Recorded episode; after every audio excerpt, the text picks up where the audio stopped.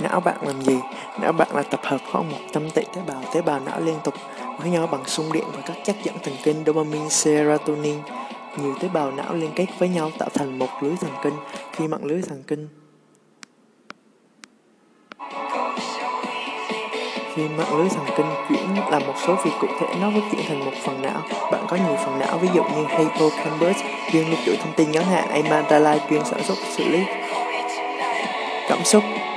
Khi bạn tập một thứ gì đó thường xuyên, ví dụ như tập đánh đàn, bản đầu rất khó do mạch thần kinh phụ trách việc xử lý truyền tín hiệu âm thanh của bạn trong đầu, phím đàn và nốt nhạc liên quan đến âm thanh đó, tốc độ ngón tay làm việc như chậm, những từ bạn tiếp tục tập luyện bạn tăng lớp vỏ melanin của mạch thần xuyên signal sẽ chạy trơn tru hơn.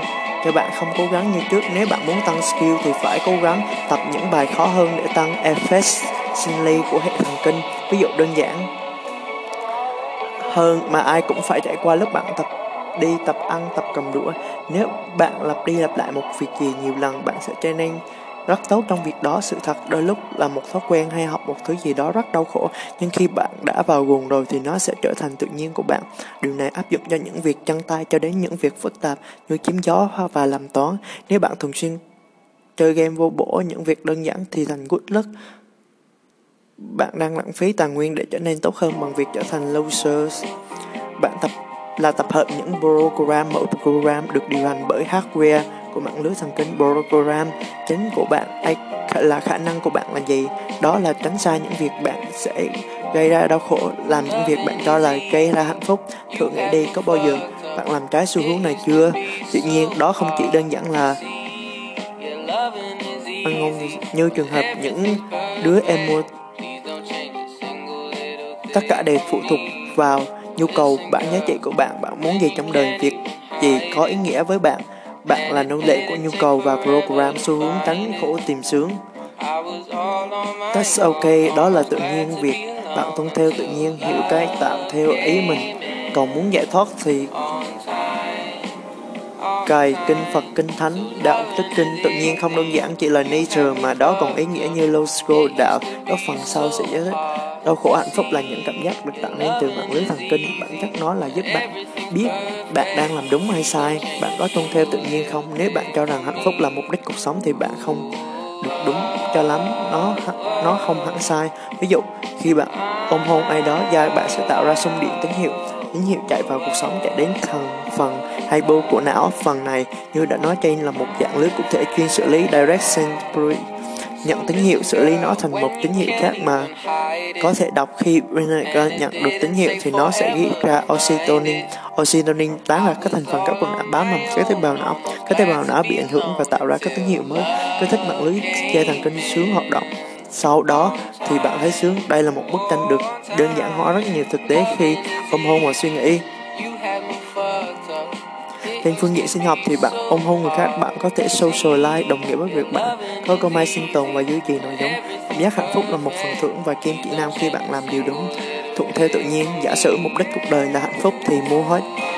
Các về tiền cho khỏe mất công ăn mặc đẹp tốn thời gian. Quá wow, vẽ từ bạn đơn giản chỉ là một cỗ máy chạy program. Cỗ máy quá phức tạp bạn không hiểu cách nó làm việc những gì bạn biết chỉ là giả định và niềm tin, tạo ra mô hình của thế giới của bạn dựa trên data của thế giới thật. Ví dụ ánh sáng hạt proton wave từ 400 đến 300 chạm mắt và mắt bạn chuyển năng lượng đó thành xung điện tín hiệu tín hiệu này truyền tới visual cortex phần não xử lý tín hiệu của từ đó chuyển qua. Nếu bạn đọc kinh Phật hay học về Hindu bạn sẽ biết là chuyện gì đang xảy ra sau khi thầy viết giải thích tại sao bạn không chỉ là cỗ máy bạn không chỉ tập hợp những phần cứng phần mềm với những program mà bạn biết chúng chạy như thế nào. Bạn thật ra là một linh hồn quan sát thường hằng và vô sanh, vô tử. Hiện tại bạn có thể làm gì? Hãy thách thức tập quan sát xem đó, xem những program đang chạy trong đầu mình vận hành như thế nào. Đó là bước đầu tiên của meta programming khả năng. Xem những program như data, sau đó phân tích và nâng cấp những program đó. Nếu bạn không hiểu program hiện tại như thế nào thì làm sao bạn có thể biến đổi chúng? Bước đầu bán chánh đạo là chánh chiến.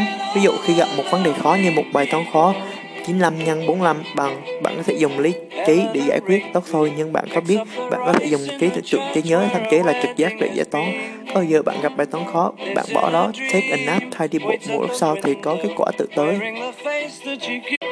bạn đã sẵn sàng thiết kế lại cuộc sống của bạn. Bạn có thấy sẵn sàng để thiết kế lại một cuộc sống của mình, nhưng không chắc chắn làm thế. Đừng lo lắng thiết kế lại một là bất cứ điều gì bạn làm đó. Nó có dễ dàng, chỉ cần tìm, cần điều chỉnh hoặc sắp xếp lại các mảnh cuộc sống của bạn. Hoặc bạn có thể đi cho một trang điểm hoàn chỉnh. Hãy suy nghĩ về việc thiết kế lại một trong những căn phòng của ngôi nhà bạn. Hãy tưởng tượng ngồi trong phòng khách của bạn và nhìn vào tất cả những bản đồ nội thất, tác phẩm nghệ thuật tấm thảm và các đơn vị tường bạn nhớ mọi thứ, phối hợp tốt như thế nào bạn thích nó như thế nào khi lần đầu trang trí, bạn đã chọn các mảnh màu sắc nơi đặt chiếc ghế dài, tivi và hình ảnh. Vì một lý do, một lý do phù hợp với bạn là ai, bạn muốn gì vào lúc đó. Tuy nhiên bây giờ mọi thứ trong phòng đều cảm thấy khác nhau, nó không còn phù hợp với bạn hay lối sống với bạn muốn ngày nay. Vì vậy, bạn quyết định thiết kế lại, bạn chỉ cần thay đổi màu sắc và kiểu dáng của gối ném rèm cửa và tấm bạ thảm, hoặc bạn có thể chọn mua tất cả các đồ nội thất mới và bắt đầu với một bảng xếp xếp hạng sạch sẽ. Dù bằng cách nào, bạn đã sẵn sàng thực hiện thay đổi tích cực. Tại sao thiết kế lại tại sao lại thiết kế cuộc sống của bạn? Cuộc sống của chúng ta liên tục thay đổi, phát triển và chuyển từ mùa này sang mùa khác. Cho dù chúng ta có thích hay không? Chúng tôi trải nghiệm sự khởi đầu, kết thúc đường vòng xoắn và rẽ bất ngờ trên đường đi. Sẽ thật tuyệt vời nếu những mảnh ghép khác nhau trong cuộc sống chúng ta chỉ rơi vào vị trí ngay bên phải, nhưng đó không phải là một kinh nghiệm của tôi. Hay trải nghiệm bất ngờ thay vào đó, tôi sẽ phải xác định lại, sắp xếp lại, thiết kế lại con đường của mình vô số lần. Đây là một sự thật với mỗi lần chuyển đổi mùa mới hoặc chuyển hướng sẽ có những thay đổi cả bên trong chúng ta, bên ngoài của cuộc sống chúng ta. Chúng ta phát triển, chúng ta học hỏi, chúng tôi thấy mọi thứ khác nhau, chúng tôi thấy những giấc mơ, mục tiêu mới. Nhiều lần những ca làm việc có thật tinh tế, cảm nhận được.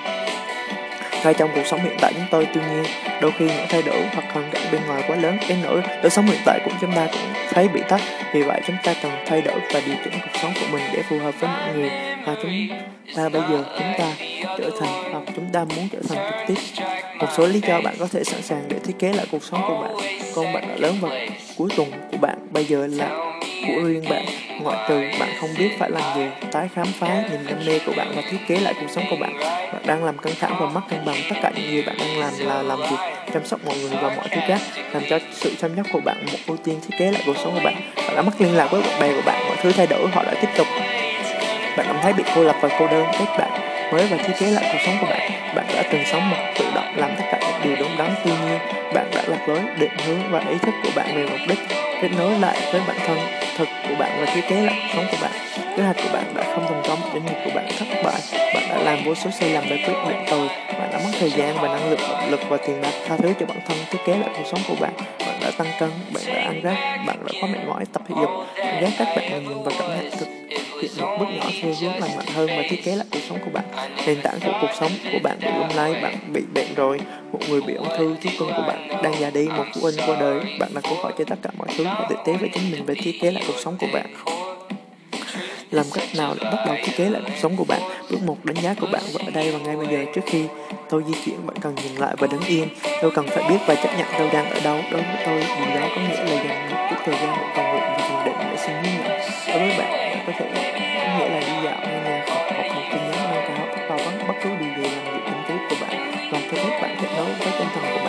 giờ lập danh sách những gì đang và không hoạt động theo tình huống của bạn. Tôi thấy việc suy nghĩ của mình lên giấy và loại bỏ cảm xúc mang lại cho tôi một cái nhìn khách quan hơn. Bước hai đánh giá, các lựa chọn của bạn xem lại danh sách của bạn bỏ qua những điều gì không hiệu quả, bạn không muốn tiếp tục điều đó. Tiếp theo là bạn lập danh sách các giải pháp có thể bắt đầu bằng động lực, động não, các lựa chọn của bạn mà không cần suy nghĩ bất kể bạn chúng có thể ngứa vặn đến mức nào. Bài tập này mở ra cho bạn những thêm một chút thu nhỏ vào những gì có thể và tình huống rất khó khăn tiếp theo theo là hãy tự chọn mình một câu hỏi để tiếp thu hạn hẹp các khả năng lựa chọn của bạn thành một vài lựa chọn ban đầu. Bắt đầu với những cái này, lựa chọn nào này thực tế cho cuộc sống của bạn. Tôi hôm nay, gì sẽ được tham gia vào việc đưa ra các lựa chọn thay đổi thực tế? Của ai khác trong gia đình tôi cần phải ở trên tàu để tôi thực hiện điều này không? Bước ba là chọn điểm đến của bạn và cách tốt nhất để đến đó. Khi bạn đã thu hẹp tùy chọn của mình trong xuống còn ba hoặc ít hơn, bạn đã lúc chọn một tùy chọn trực quan cảm thấy tốt nhất và cam kết.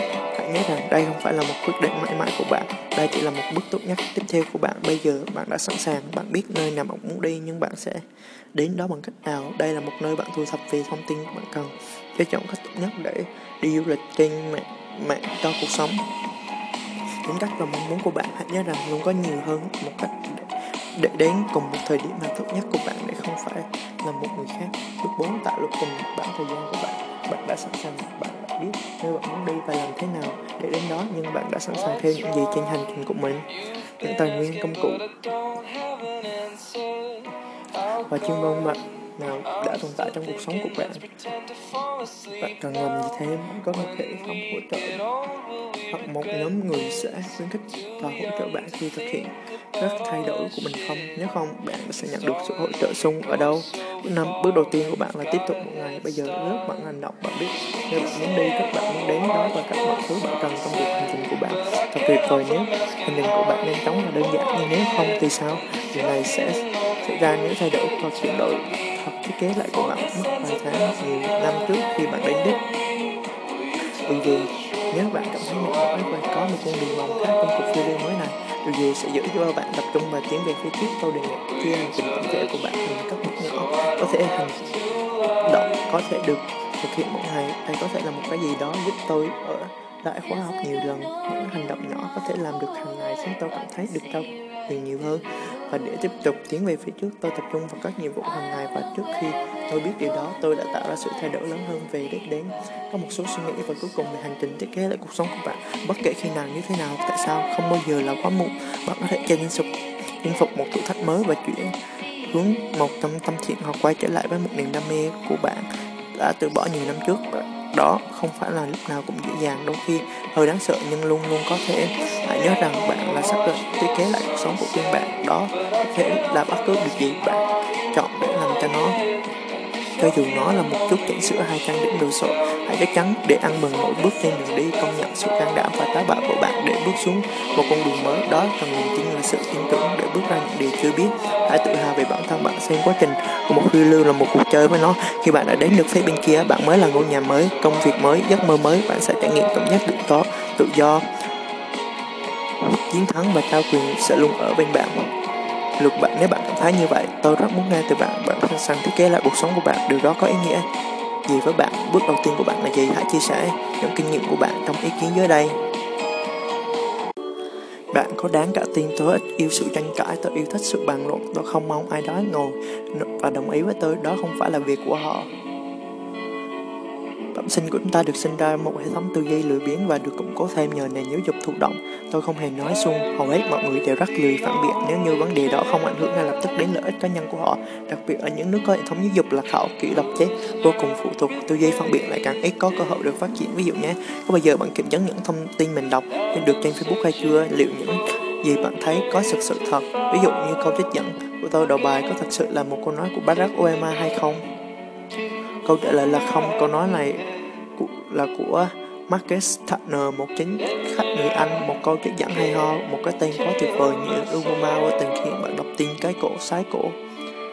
Thật đáng buồn và ngày nay con người dễ tin vào những thứ rác rưởi mà truyền thông và đang rêu rao hơn khi mà hình thức chúng thật hấp dẫn. Nào là lớn sống phóng túng tình một đêm trước tuổi 25, cứ việc hư hỏng đi, theo tuổi đam mê bất chấp đi, trở thành một bà mẹ đơn thân sẽ là xu hướng mới. Điểm chung của những thông điệp tin này là những chỉ trích dẫn cậu thả vài thống kê và những trang web không chính thống viết với vẫn những cốt vô căn cứ và đăng bài một cách tràn lan. Tuy nhiên, cũng dễ hiểu khi mà sinh ra ở thời đại thông tin bùng nổ như hiện tại, lượng thông tin một người nạp vào một ngày thật sự quá lớn, nén việc chắc lọc và xác thực những thông tin trở nên thật khó khăn và đúng như vậy đó, đôi thuyền biến Tôi khuyên bạn trước khi tin tưởng và chia sẻ một nội dung nào đó hãy cố gắng tìm hiểu thật chi tiết về nó. Ngay lập tức đặt những câu hỏi về để kiểm tra xem nội dung này có thật không.